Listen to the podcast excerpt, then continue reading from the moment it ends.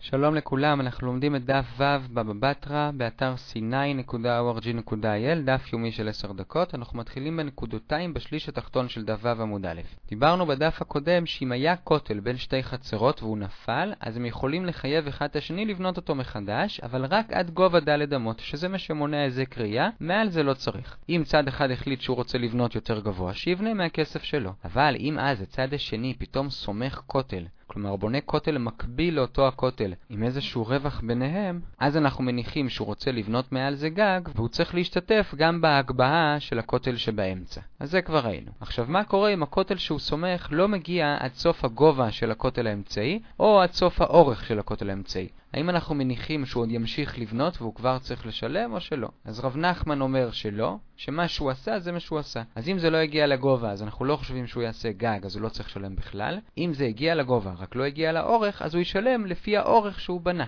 כלומר, נניח שהכותל האמצעי הוא בגובה 5 אמות, אז הוא שילם רק עד 4 אמות, והאורך של הכותל הוא 10 מטר. וההוא שלא רצה את ההגבהה, בנה כנגדו כותל, אבל רק באורך של 5 מטר. אז הוא ישתתף בתשלום של ההגבהה המקורית, אבל רק על 5 מטר ולא על כל ה-10 מטר. זה דעת רב נחמן. מה שהוא עשה, רק על זה הוא משלם. רב הולה אומר שהוא משלם על הכל, אנחנו מניחים שהוא עוד יעשה את הכל. עכשיו, כל זה כשאנחנו לא יודעים. אבל אם יש סימן ברור לכאן או לכאן, כלומר שהוא ימשיך לבנות או שהוא לא ימשיך לבנות, אז הולכים לפי הסימן. כלומר, שני מודיעים, גם רב הונא, אם יש קרנה וליפתא, שאז ברור לנו שהוא לא ימשיך לבנות. מה זה קרנה וליפתא? לפי תוספות. קרנה זה שהוא מעקם אחד מהצדדים של הכותל, כלומר לא בגובה אלא בצד. אז אנחנו יודעים שמבחינת האורך של הכותל הוא לא הולך להמשיך, אז מה שהוא עשה זה מה שהוא יעשה. ואותו דבר בגובה, ליפתא, אם את הראש של הכותל הוא עושה יותר צר בשביל שהגשם לא יצטבר שם, זה אומר שמבחינת הגובה הוא הגיע לסוף, אז אם זה לא בגובה של הכותל האמצעי, הוא לא צריך לשלם. זה סימנים שהוא לא ימשיך. יש גם סימנים שהוא ימשיך. באורך יש סימן אפריזה, שזה אומר שאת הקצה של הכותל, כלומר לא את הראש אלא את הצד, הוא עדיין השאיר אבן יוצאת, אבן נכנסת. כמו שהיום מישהו ישאיר את הברזלים בקצוות, שאז ברור שהוא הולך להמשיך, ואז גם רב נחמן מודה שהוא צריך לשלם. אותו דבר בגובה, אם הוא עשה את החורים שבהם מכניסים קורות בשביל לשים גג, כלומר אנחנו מניחים שהוא עוד יעשה עוד קומה, אז גם לפי רב נחמן מניחים שהוא יגביה עד הסוף, והוא צריך לשלם גם על ההגבהה של הכותל האמצעי. נושא הבא מאוד קצר, בי קוי. אמרנו שאם אחד החליט להגביה על חשבונו, השני לא נאמן לומר שהוא שילם, אלא אם כן הוא יוכיח. עכשיו, מה קורה אם בהגבהה שהשכן בנה, אנחנו רואים שהוא עשה חורים, הכנה לקורות, לתקרה, גם לצד השני, של השכן שלא רצה לשלם. אז השכן שלא רצה להגביה טוען, הנה, שילמתי. עובדה שעשית חורים בשביל לשים קורות למעלה גם לכיוון שלי. לא היית עושה את זה אם לא הייתי משלם. עונה לו השכן שבנה, לא שילמת לי כלום. אני עשיתי חורים בשביל קורות לכיוון שלך,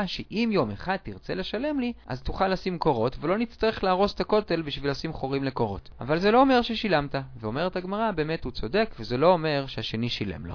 עכשיו אנחנו בשורה הרביעית לפני השורות הרחבות. הגמרא עכשיו עוברת נושא. עוברת לנושא שנקרא חזקת תשמישין, אחר כך היא עוברת לנושא של היתר שימוש של סוחר בבית, עוד פעם חוזרת לחזקת תשמישין, נדלג על כל זה כרגע, ונקפוץ לעמוד ב' בשורה 11, שזה המשך דיני כתלים והיזק קריאה, אחר כך נחזור לזה. אז האם יש היזק קריאה לגג? אז כבר אמרנו בדף ב' שבגג עקרונית אין היזק קריאה, השימוש שם לא קבוע, אז אנשים ממילא לא היו עושים דברים צנועים, כי יכול להיות שיפתיעו אותם, לכן בין שתי גגות לא צריך לעשות כותל, אין היזק קריאה לפי כולם. אבל בין גג לחצר כן יש היזק קריאה ובעל הגג צריך לעשות כותל, וגם בין שתי גגות, כשהן לא צמודות אחת לשנייה, כן יש היזק קריאה. וזה בין אם יש ביניהם רשות היחיד, בין אם יש ביניהם רשות הרבים. למה? כיוון שהם רחוקים, אז הם לא מרגישים מתי השני עולה, אז הם מרשים לעצמם לעשות דברים צנועים, ופתאום השני יעלה ויפתיע אותם, לכן זה כן עכשיו איזה קריאה. עכשיו, אם יש רשות הרבים ביניהם, יאמר לכאורה השכן, ממילא אתה צריך לעשות גדר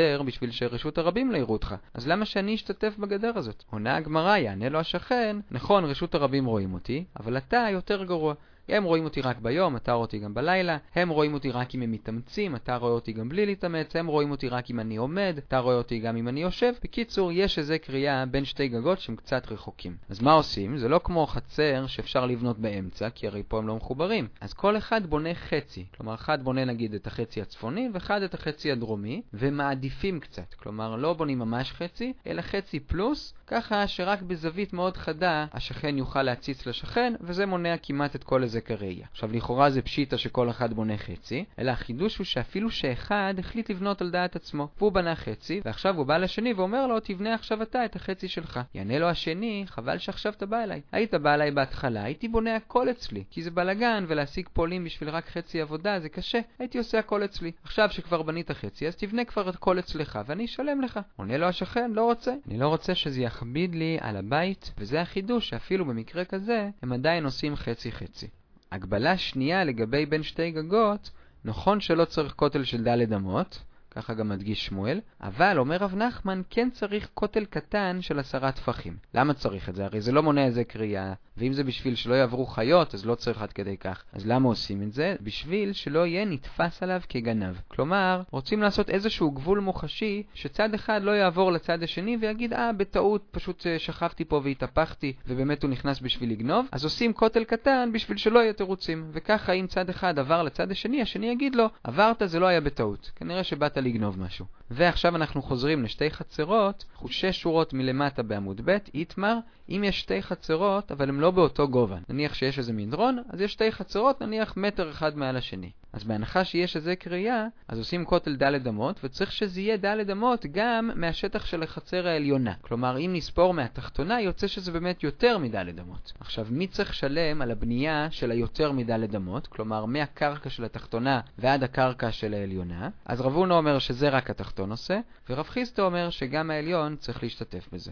זהו, אז סיימנו עכשיו עם ענייני היזק ראייה. עכשיו אנחנו חוזרים ארבע שורות לפני השורות הרחבות בעמוד א', נושא אחר, חזקת תשמישין. חזקת השמישין מתייחס למציאות מאוד מאוד מצוין, נניח יש שני שכנים, ואחד תמיד שם את החפצים שלו, את האופניים, בחצר של השני. אז האם זה אומר שמעכשיו השני חייב לתת לו להמשיך להשתמש שם, או שלא? אז אם יש חזקת השמישין, זה אומר שכן. איך יוצרים חזקת השמישין? אז פה יש מחלוקת בין הראשונים, מה רמת הדרישות. יש דעות שאומרות שזה כמו חזקת ג' שנים. כלומר, צריך קודם כל הרבה זמן, יש דעות שאפילו ג' שנים, וגם צריך טענה. כלומר, זה לא מספיק שאני פשוט הייתי פה שלוש שנים והשתמשתי ולא אמרת כלום, אלא אני צריך לטעון שלא אמרת כלום כי נתת לי רשות מפורשת, או אפילו מכרת לי את הרשות לשים שם. כלומר, צריך גם זמן וגם טענה. יש דעות שאומרות שמספיק טענה, פה לא צריך זמן. כלומר, עצם זה שאני טוען שהרשית לי, ואני מראה ששמתי שם פעם אחת ולא אמרת כלום, אז זה מוכיח שבאמת הרשית לי, או שמכרת לי את הרשות, ויש דעות שאפילו בלי טענה. כלומר, ראית ששמתי ולא אמרת כלום, כנראה שמחלת לי. אפילו בלי שאני טוען שאתה אמרת לי במפורש שמותר לי. אז עד כאן הקדמה, עכשיו נראה את הגמרא. בשלב הראשון הגמרא לא מדברת על איך יוצרים חזקת תשמישין, מדברת על מה חזקת התשמישין נותן לי לעשות. כלומר, אם היה לי חזקה למשהו אחד, האם זה נותן לי חזקה למשהו אחר דומה? אז תלוי במה מדובר, הגמרא מביאה שתי דוגמאות. דוגמה אחת שהיה לי חזקת שימוש לשים קרשים על הכותל של השני, נניח קרשים קלים ואני רוצה לשים כבדים או להפך, והיה לי חזקת שימוש שהגשם מהגג שלי היה נוטף אל החצר של השכן, והוא לא אמר כלום או שהוא הרשה לי במפורש, תלוי בדעות שראינו. האם אני יכול לשנות את זה מנטיפות שמפוזרות לאורך כל החצר למרזב, שזה מרוכז במקום אחד, או להפך? אז ברור שאם היה לי חזקת שימוש למשהו שלשכן יותר אכפת, למשל הקרשים הכבדים יותר, או שהגשם נוטף לאורך כל החצר, ברור שמותר לי להחליף את זה למשהו היותר טוב, כלומר לקרשים קטנים יותר, או שזה יזוב רק ממרזב.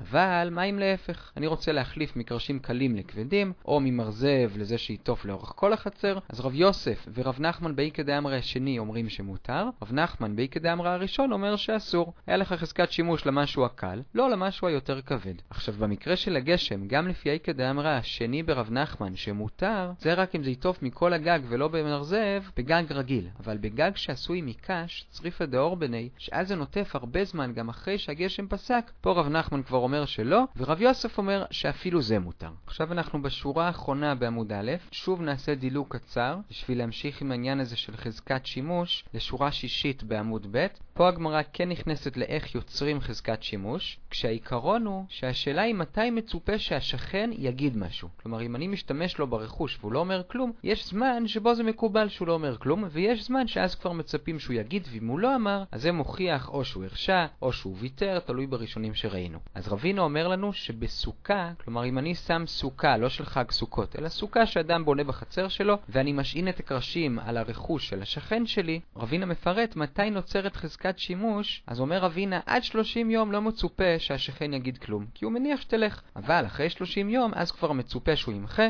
ואם הוא לא מחה, אז יש חזקת שימוש, אבל בסוכה של מצווה, כלומר בחג הסוכות, אז כבר מהיום השמיני, אם הוא לא אמר כלום, אז נוצרת חזקת שימוש, כי הוא מבין שאם השארתי את זה אחרי סוכות, כנראה שאני רוצה להשאיר לעולם, היה צריך להגיד משהו. אם חיברתי ביתית, אז מצופה שהוא יגיד משהו מיד. כי אם אני מחבר ביתית, ברור שאני מתכוון להישאר פה לעולם, ואם הוא לא אמר כלום, אז נוצרת חזקת שימוש. עכשיו קטע אחרון להיום, נחזור לשורה האחרונה בעמוד א', לאיפה שדילגנו. אדם שכר בית בבניין גדול, שיש בו הרבה חדרים, במה מותר לו להשתמש? בזמנם היו משתמשים גם בעובי הכותל עצמו, אז אומרת הגמרא, מותר לו להשתמש בעובי של הכותל, כלומר להכניס דברים לאחורים, או להשתמש בזיזים שבולטים, גם בתוך החדר שלו, אבל גם מבחוץ, עד גובה של ד' אמות, וגם אם הוא בקומה העליונה, אז יש לו גישה לראש הראש של הכותל, זה לא כמו אצלנו שהתקרה מחוברת לראש של הכותל, אלא שהיה אפשר להניח דברים על הראש של הכותל, אז אם זה מקום שבו היה נהוג לעשות את זה, אז גם לא מותר לעשות את זה. זה בכותל הרגיל. אבל בכותל שליד הגינה, רבא בר אבוה אומר שלא, רב נחמן אומר שכן, והאם מותר לו להשתמש ברחבה שיש מאחורה, הפעם רב נחמן אומר שלא, ורבא אומר שכן, כל טוב.